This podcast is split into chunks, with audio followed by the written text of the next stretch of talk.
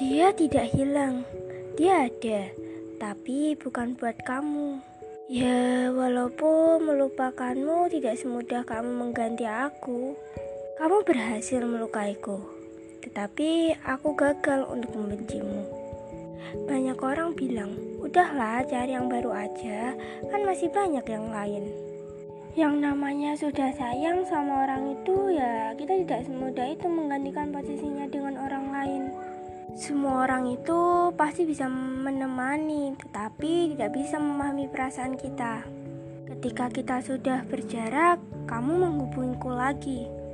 Dan kamu mendekatiku dengan membuat janji-janji manis yang membuatku bisa terpancing dengan kata-kata itu. Namun, kamu sendiri yang mengingkarinya, lalu pergi. Kamu tahu kan, kalau aku itu sebenarnya masih suka sama kamu tetapi bukan aku yang kamu mau.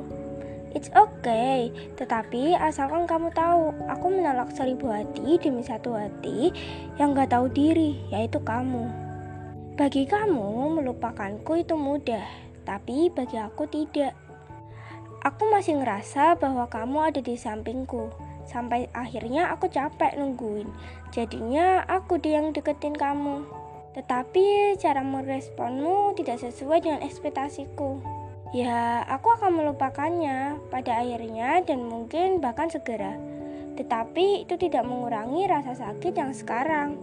Pesanku, berhentilah menangisi dia dan gunakan kekuatan itu untuk melupakannya. Semangat semuanya. See you. Sampai bertemu di episode selanjutnya.